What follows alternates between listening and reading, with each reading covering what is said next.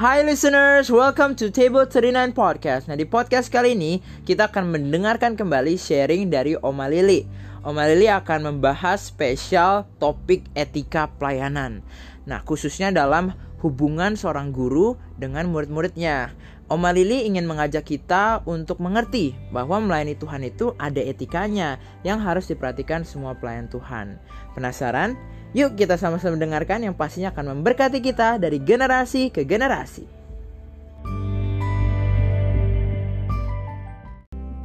Etika-etikanya apa sih Bu?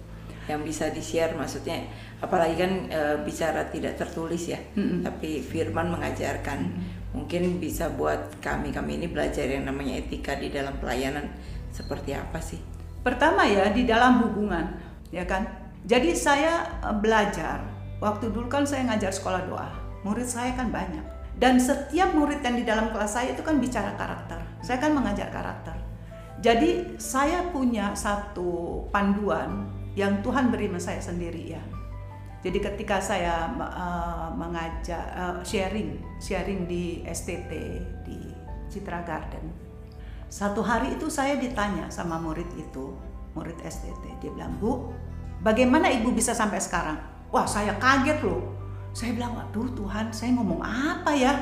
Nah akhirnya saya pulang, saya tanya, saya duduk di ruang eh, di teras, saya tanya Tuhan, iya ya kalau saya ditanya sama Tuhan, ini saya sampai jadi begini gimana ya?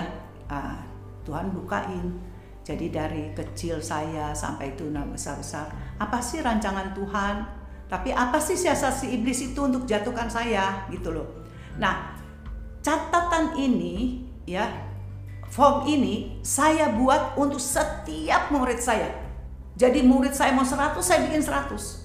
Dan setelah itu saya kasih mereka untuk mereka didoakan. Saya doakan. Jadi murid mau saya 100, saya satu-satu loh saya doakan. Makanya kenapa murid kenal saya? Saya nggak kenal dia. Tapi ketika saya baca mereka punya proses kehidupan mereka, saya bilang Tuhan, saya minta satu engkau. Kalau saya boleh doain mereka, tapi Tuhan lupakan semua masalah mereka dari saya. Kalau enggak kan itu jadi beban buat saya. Sedangkan saya punya tanggung jawab sendiri, punya beban sendiri. Jadi saya minta Tuhan lupakan semua. Jadi kalau nanti misalnya Lisa pernah doa seperti itu sama saya, ibu ingat nggak? Saya nggak ingat. Itu keuntungan saya, gitu loh. Nah itu satu ya. Jadi jangan kita merasa etika yang yang yang kita harus lakukan. Jangan merasa kamu ini, oh kamu kan guru, ya cuman sampai di situ. Gak bisa, kamu tetap pelayan Tuhan. Jadi kamu harus rangkul mereka betul-betul seperti anak rohani kita, ya kan? Doakan mereka satu-satu. Bayar harga itu. Sekarang kan jarang loh kita ketemu bayar harga seperti itu. Sudah selesai, ya sudah.